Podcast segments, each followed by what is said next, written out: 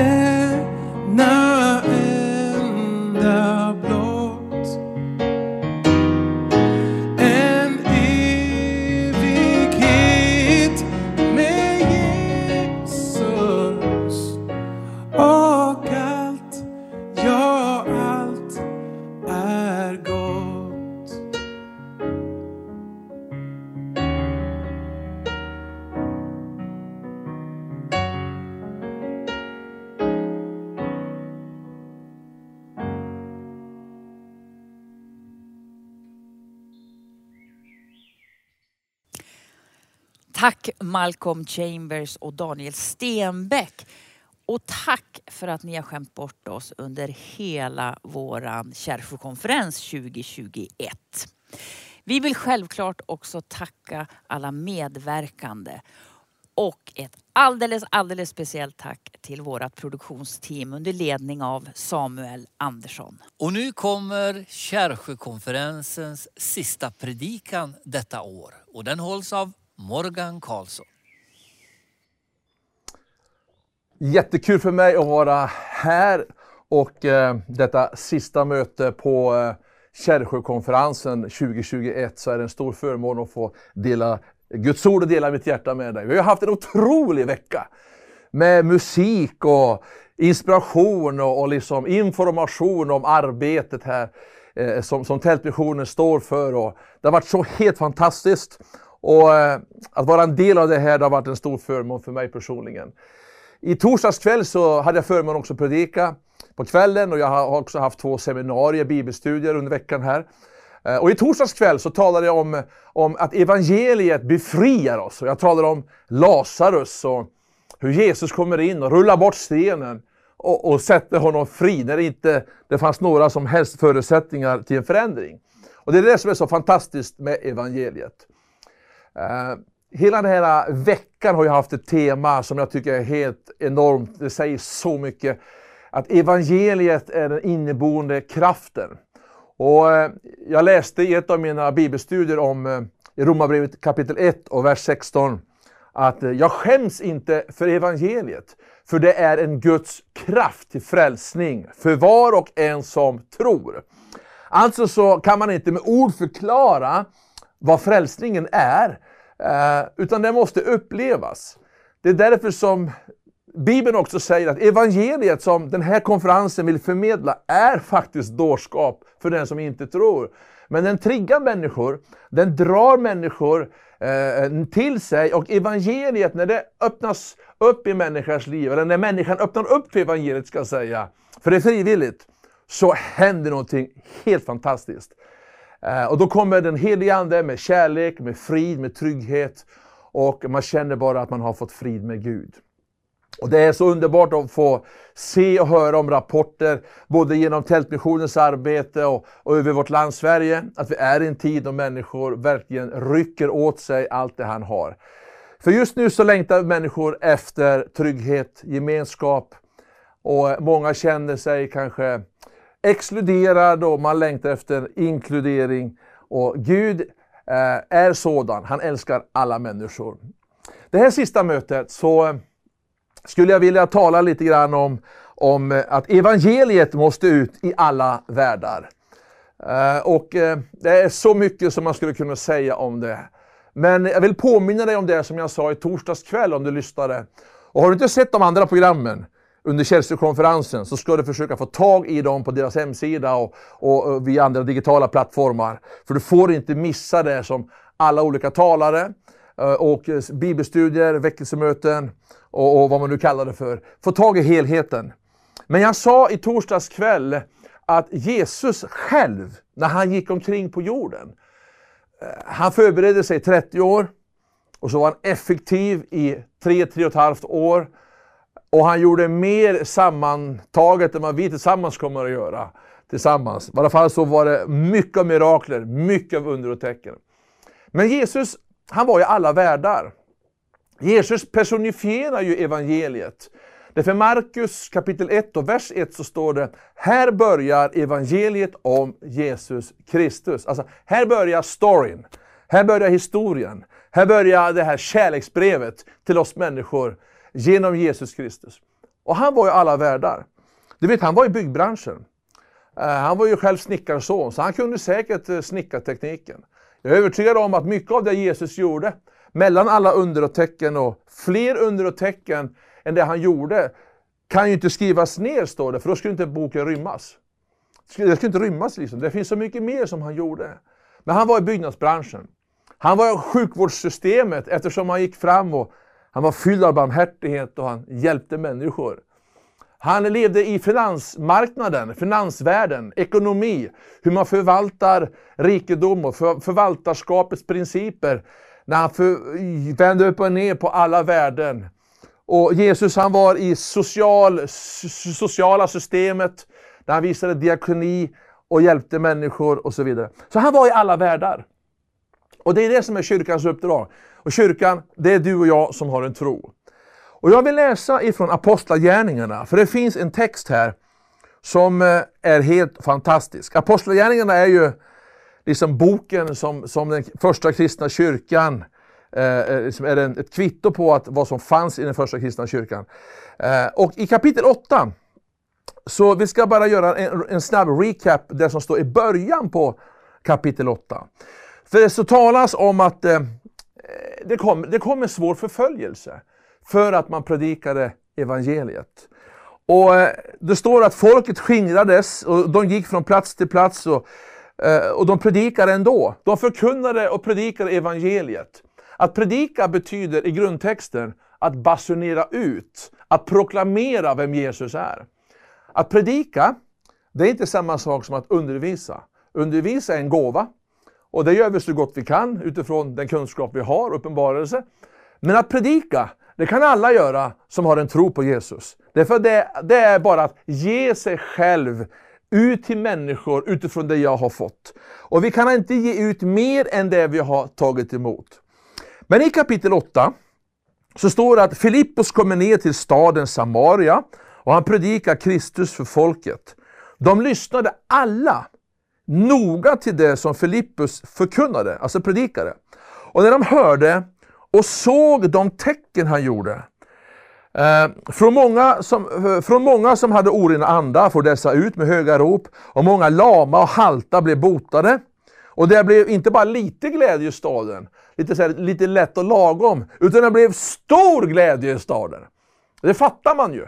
Men tänk dig själv om, om en, en, en skulle komma in i din stad och gå omkring och, och de lama börjar gå, blinda får sin syn och döva får sin hörsel. Och, fatta vilken glädje det skulle bli i stan. Förstå vilken, vilken, vilken stor grej Expressen, Aftonbladet, Göteborgs-Posten, DN, alla stora nyhetstidningar i Sverige skulle direkt vara på den platsen. Och det är exakt det som jag längtar efter. Jag skulle vilja se mer av det jag läser i Apostlagärningarna kapitel 8. Och vi ser alltså att det var en stor kampanj, en jättekonferens i Samaria. Och Filippos han, han, han är mitt i detta. Och du vet att eh, vi vill ju alltid vara i det stora sammanhanget. Det känns ju så mycket bättre. För då kan man drunkna lite tillsammans med alla andra, man känner sig inte lika utlämnad och så vidare. Eh, och det är väl okej, okay. jag gillar stora möten, jag gillar, jag gillar det där drag, jag gillar det där mycket lovsång, jag gillar när det är hög musik, jag gillar när det, liksom, det märks och det hörs i staden, i samhället att det är en kampanj, att det är någonting på gång. Det är det som är evangeliets kärna, att det utmanar allt som kan utmanas. Därför att eh, kärleken från Gud är så stor, den är så stark. Det som är intressant är det som står i vers 26, när samma Filippos, tänk nu tanken, att eh, Filippos har varit i en storstadskampanj i Samaria och massor med människor har kommit till tro. Han var i den världen där det var mycket folk. Han var i den där världen när, när det var mycket av under och tecken och det, det var liksom det var sprakade av ett övernaturligt inslag. Men så står det i vers 26, nu kommer jag till det som jag vill tala lite grann om ikväll då.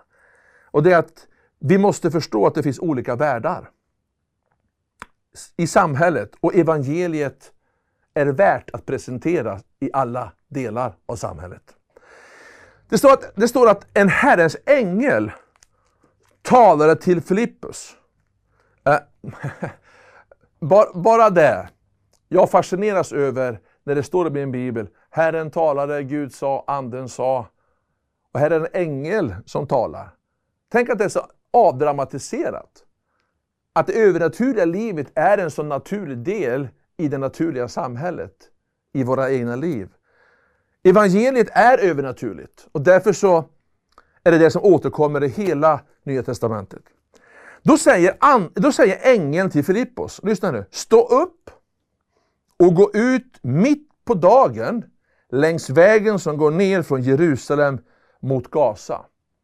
Så när Gud talade till Filippos så var han inte så här, du vet, övergripande, eh, han svamlade inte. va. Utan här, här är Gud genom, hans, genom ängeln precis. Han säger, gå ner mitt på dagen och du ska gå ner på just den vägen. uh, och tänk då på att han precis har varit på en jättestor kampanj i Samarien med allt vad det innebär. Tänk dig en stor festival. Och nu hör han ängeln tala till honom i sitt inre att han ska gå ut på den här vägen mellan Jerusalem och Gaza. Och så kommer det, den ligger öde. Försök att förstå det här. Att nu utmanas Filippos, verkligen. Han har varit i en värld där det var mycket folk. Det var liksom glädje i staden, stor glädje i hela staden. Han kanske är trött, luften har gått ur honom lite grann. Och så kommer ängeln och säger att nu ska du gå ut på den här vägen. Den ligger öde. öde. Alltså det finns ingenting i det ängeln säger som är attraktivt. Vi människor, vi vill ju gärna liksom se fram emot någonting som är härligt, som är häftigt. Vi ser fram, vi längtar efter semester nu, kanske några. Eh, vi längtar efter fram, eh, saker vi ska vara med om i framtiden, resor vi planerat och det ena efter det andra. Det som är attraktivt, det som jag, jag vet liksom, eh, det kommer ge mig någonting. Men här säger ängeln till Filippos att du ska gå ut och ställa dig på den här vägen, för den ligger öde. Alltså det finns ju ingenting i det som är logiskt. Han kanske tänker, vad ska jag göra där? Vad hade du tänkt? Om, om Gud hade sagt till dig, gå, gå ut på den där vägen eller gör det, eh, eh den ligger öde. Men vad händer? Filippos, han reser sig upp och så går han. Varför? Jag tror att Filippos hade lärt känna eh, Guds maning. Han hade lärt känna vem Gud är. Så när ängeln kommer och talar till Filippos så vet han att utifrån det som ingenting är, så kan det som ingenting är bli till. Men då måste jag gå. Att stå vid randen av ett tilltal, att våga göra någonting och inte göra det, så kommer jag aldrig kunna förstå eller erfara och vara med om det som eventuellt skulle kunna ha hänt om jag hade gått. Det är just därför som Bibeln talar om att vi ska gå i tro. Vi ska låta evangeliet få pulsera i våra liv så att evangeliet är en naturlig del av mig. Och därför så gick Filippus, för han visste, nu har Gud talat. Vägen är öde. Jag vet inte hur länge jag ska stå där. Jag har ingen aning om vad som kommer att hända. Samaria har varit, fine, det var fantastiskt, men nu är det en helt annan typ av värld. Ensam på en öde väg. Och så går Filippos dit. Och när han går dit, då står det vidare i texten, att då kom en etiopisk hovman, det var alltså var finansministern, kan du säga, som var en eunuck och ansvarig för hela skattkammaren hos den etiopiska drottningen Kandake. Alltså det var inte vem som helst. Här kommer finansministern, som troligtvis hade stort inflytande, som förvärvade och hade ansvar för finanser och för mycket av, av, av förvaltarskap över sig. Nu kommer han på denna öde väg mellan Jerusalem mot och Gaza. Plötsligt så dyker det där upp som inte Filippos hade förväntat sig. För han gick ut på en öde väg. Och nu visar det sig, och jag tror att Filippos kände i samma ögonblick när den här mannen kommer eh, eh, och går, åker den här vägen, att här är någonting som Gud vill att jag ska göra. Så vi får aldrig låsa oss vid att Gud ska komma på ett speciellt sätt. Vi måste förvänta oss att den helige Ande eh, kan aktualisera evangeliet på det mest konstiga sätt. På platser, sammanhang som du inte trodde var möjligt. Om jag hade blivit, fått det här tilltalet och, och, och, och gå ut på en öde väg och så skulle eh, finansministern i Sveriges regering komma, så då skulle inte jag heller vara sen och börja tala evangeliet. Det är det första jag skulle göra tror jag. Men det är inte, det är inte självklart för alla att fånga tillfället, att förstå sin samtid, att förstå att nu är det Gud som vill tala. Det är därför jag vill uppmuntra oss det här sista mötet i den här konferensen. Se till att du är en av dem. Se till att du är en av dem som inte bara låser fast evangeliet vid en speciell form, utan låt det vara ledd av den helige Ande. Filippos, han var en konferenstalare till och med. Han hade sett onda andar åka ut och människor hade blivit befriade från fångenskap och bundenhet och det blev stor glädje i staden. Och nu plötsligt så befinner han sig ensam med finansministern från Etiopien. Alltså, så läser vi vidare. Han hade kommit till Jerusalem, den här finansministern, för att tillbe och var nu på väg hem och satt i sin vagn och läste profeten Jesaja. Alltså det, vi måste förstå att Nya Testamentet hade de ju inte på den här tiden. Det är ju vi som har det när vi kan läsa om det som de gjorde. Så de hade ju bara Toran, Gamla Testamentet.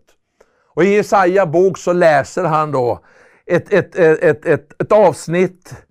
Eh, och Filippos skyndar sig fram till vagnen. För anden sa till honom att gå fram till vagnen och håll dig nära den. Jag tänk, tänk igen så är Gud så är precis. Han säger gå fram till vagnen. Gå fram till vagnen, aktivera dig, gå och håll dig nära den. Ja? Och så hör han då hur han sitter och läser. Uh, och det är väl därför han skulle vara nära naturligtvis. Om inte han hade varit nära så hade han ju aldrig hört hur han läste ur profeten Jesajas bok.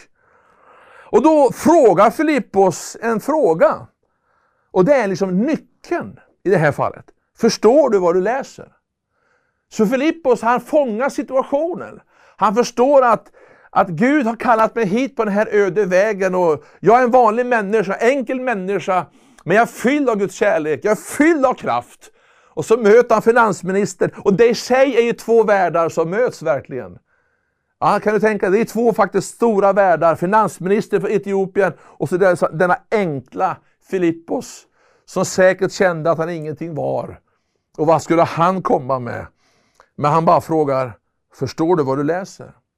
Och då säger mannen, hur ska jag kunna, hur ska jag kunna förstå det om ingen berättar för mig? Här är svaret på hela Sveriges rop efter hjälp.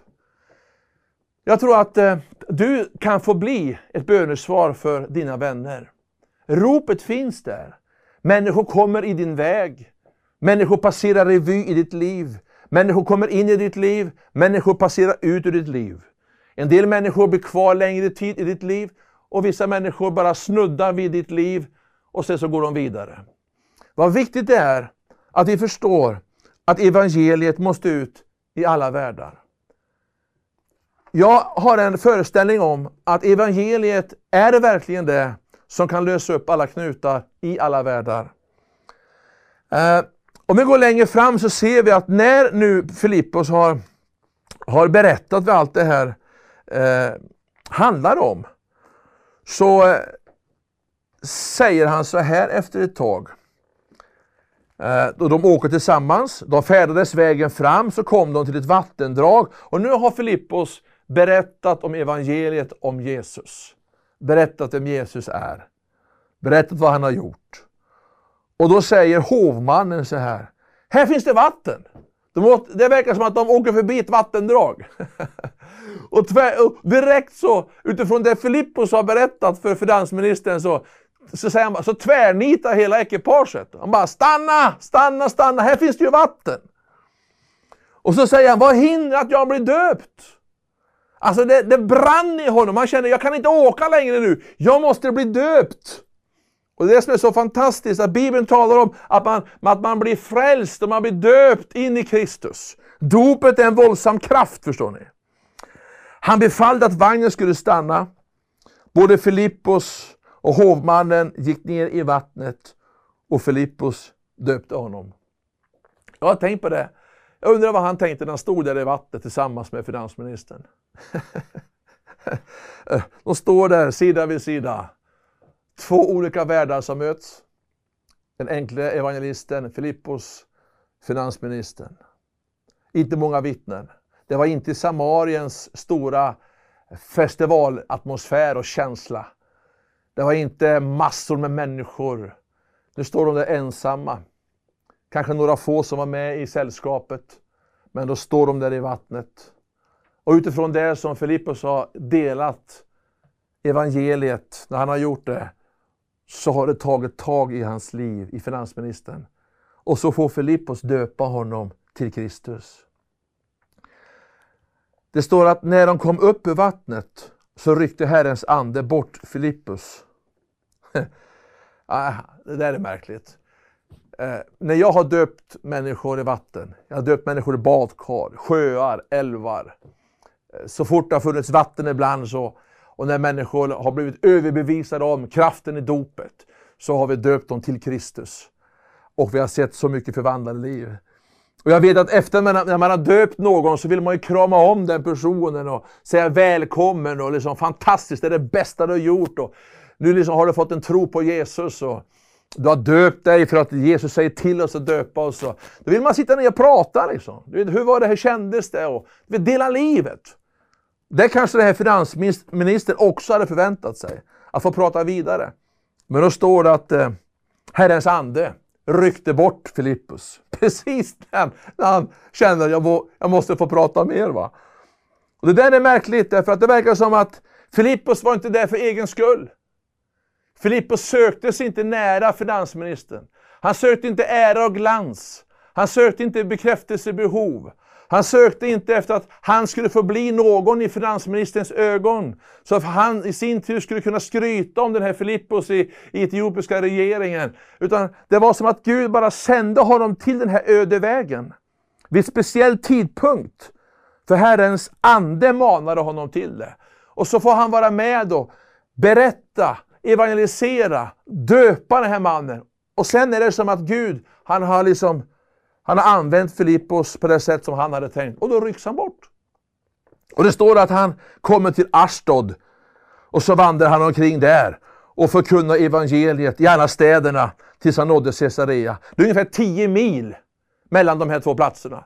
Så han förflyttade sig alltså 10 mil i anden. Bara, woo, woo. Det kan man ju tycka är helt märkligt. Men det är faktiskt så att det fungerar. Ibland har jag, jag har livlig fantasi ibland. Och jag har tänkt tänka det ibland, tänk att få predika i Afrika på förmiddagen och i USA på eftermiddagen och sen hinna hem på måndagen redan. Förflytta sig i anden. Lite skämtsamt kanske, lite humor i det hela, men det står faktiskt så att Filippos, när han hade gjort det han skulle göra, så rycktes han bort. Det viktiga i den här texten, det är det att Filippos, han var en vanlig människa. Han var som du och jag. Och vanliga människor, det är exakt de som Gud vill använda. Nu är jag predikant, jag har varit pastor i en lokal församling Jag har rest och predikat Guds ord och undervisat i 28 år. I många länder. Och jag har sett, jag har sett Guds kärlek, jag har sett Guds kraft. Jag är mer än någonsin helt övertygad om att det bästa ligger framför när det gäller Sverige. Men jag har märkt en sak. Att Gud använder dig oavsett om du är en offentlig person. Om du står på plattformar eller inte. Om du är snickare, sjuksköterska, om du är pilot, om du är plåtslagare, om du är IT-tekniker, vad du än är, vilken profession du har. Så vill Gud använda dig där du är. På din arbetsplats kan det bli en väckelsekonferens. Antingen kan det bli som Samaria, eller så kan det bli som den här den öde vägen. För Gud så är inte det ena eller det andra mer värt. Utan Gud längtar ju efter att du ska förstå att det handlar inte om dig. För det handlar om honom. Och det är därför som jag vill utmana dig det sista mötet i den här konferensen. Att allt det du har fått ifrån Gud, om du är ny i tron eller har varit med ett helt liv och haft en tro på Gud, så värderar inte Gud det heller. Den som är ny i tron är lika mycket frälst som den som har varit frälst i 50 år. Och Gud ser på oss för lika. För han bara väntar på att allt fler människor ska bli frälsta och komma till tro på evangeliet, som är en inneboende kraft. Så Filippos, han får vara med och föra en regeringsman till tro. Det är därför jag är övertygad om, och jag ber varje vecka på min bönelista, min veckolista, så ber jag för riksdag och regering i Sverige.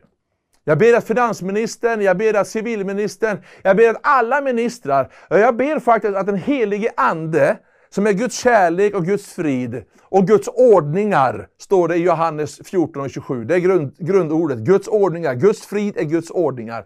Ska svepa in i regeringen i Sverige. Jag ber om, om att Gud ska komma och överbevisa människor i industrivärlden, i industritopparna, Överallt de här som sitter på viktiga positioner som avgör faktiskt ganska mycket hur det går för vårt land.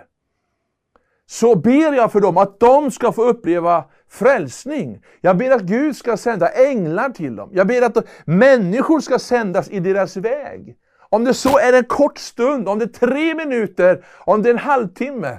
När du får tillfället, min vän, tänk lite större än att, bara, att det bara skulle vara en slump.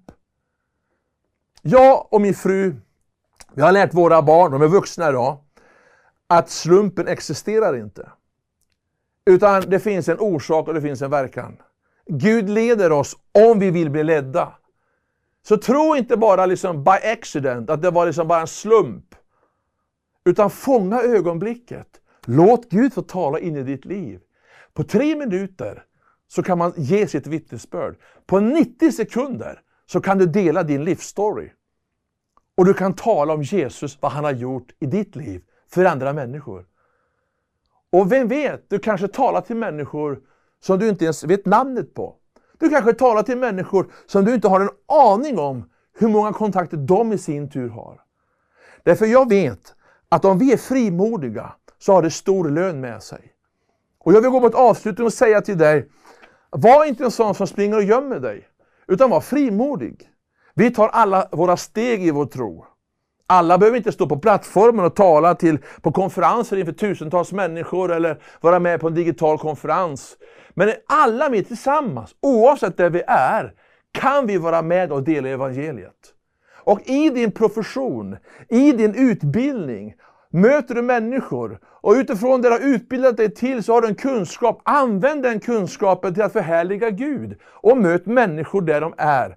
Och då kan 90 sekunder förvandla den du har framför dig. En kopp kaffe på ett café, eller när du råkar hamna jämte dem på flyget eller på bussen. Se möjligheter, dela evangeliet. Fråga om det finns någonting som hindrar att du får be med dem till frälsning. Du ska bli förvånad vad lätt det är att få se människor faktiskt närma sig Gud genom Jesus Kristus. Vänner, vi ska strax sluta den här gudstjänsten och eh, jag ska bara snart be en bön. Men jag vill uppmuntra dig då utifrån det jag har talat. Var en eh, missionär där du är. Var en evangelist där du är. Var en förkunnare, vad du än kallar dig för i ditt kristna liv. Men berätta om Jesus. Rätt vad det är så kanske det kommer människor i din väg. Som i sin tur har bara väntat på att få höra talas om det, det du exakt talar om. Och så berättar de om det i sin tur. Det är väckelse. Det är multiplikation. Så istället för att vänta på det stora, det häftiga i Samaria, så börja med det enskilda mötet kanske, som sen kan generera i en Samaria-satsning. Så bli uppmuntrad av det, att Filippos, om han kunde, då kan du.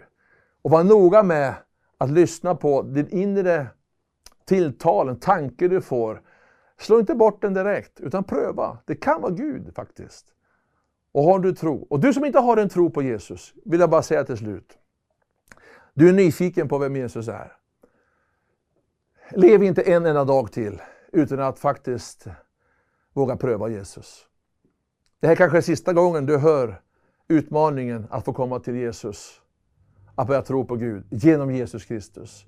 För evigheten är nedlagd även i ditt liv. Och nu är det tid för dig att ta emot honom till frälsning. Det är det viktigaste.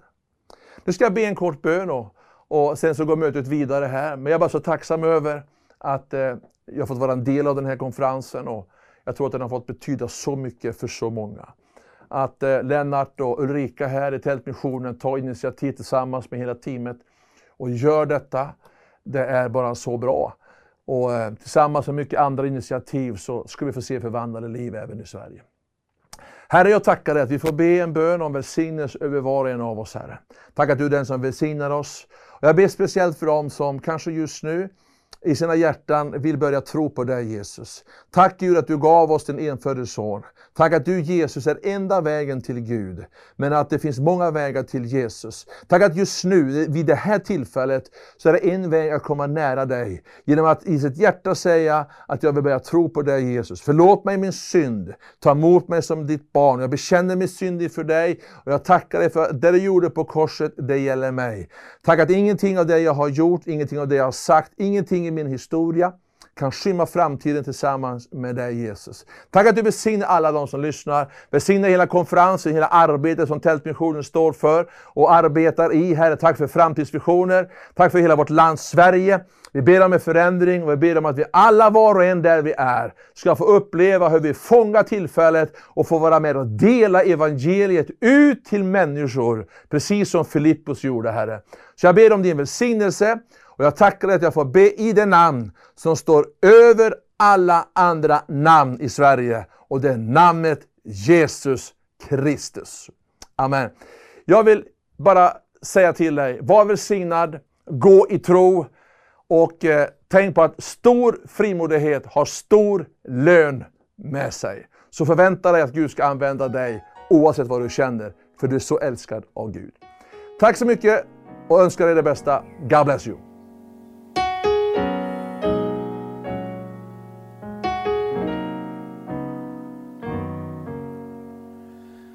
If I lose my life, I will find again. I will soar on eagle's wings and then ever cease from war. Rest in Jesus' arms. For the Lord, He's good and I am safe from harm.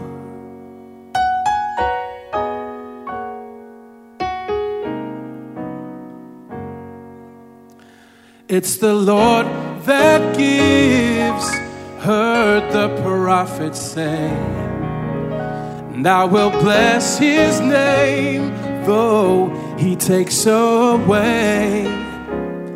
I will trust and not fear, not to be alarmed. For the Lord, He's good, and I am safe from harm. I'm safe, I'm safe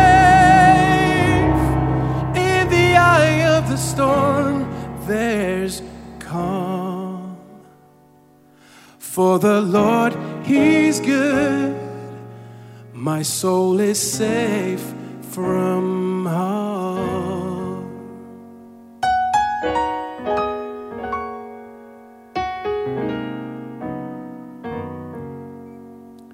So when the tear ducts wet and my strength has gone, I will still His name I call. He will rescue me, for dusk turns to dawn. For the Lord, He's good, and I am safe from harm. I'm safe,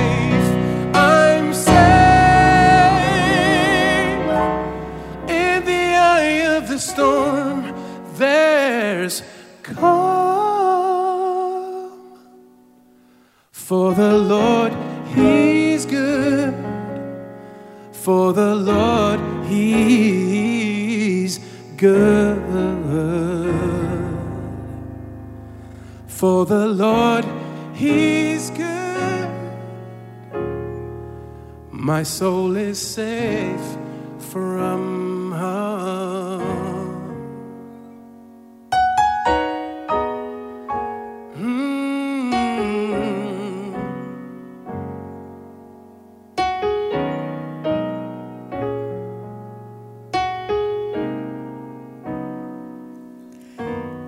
Konferensen lider mot sitt slut, men vi finns kvar. Ja, ni kan fortsätta att träffa oss varje vecka i Kärrsjö Web Church och programmet Guds kontakt.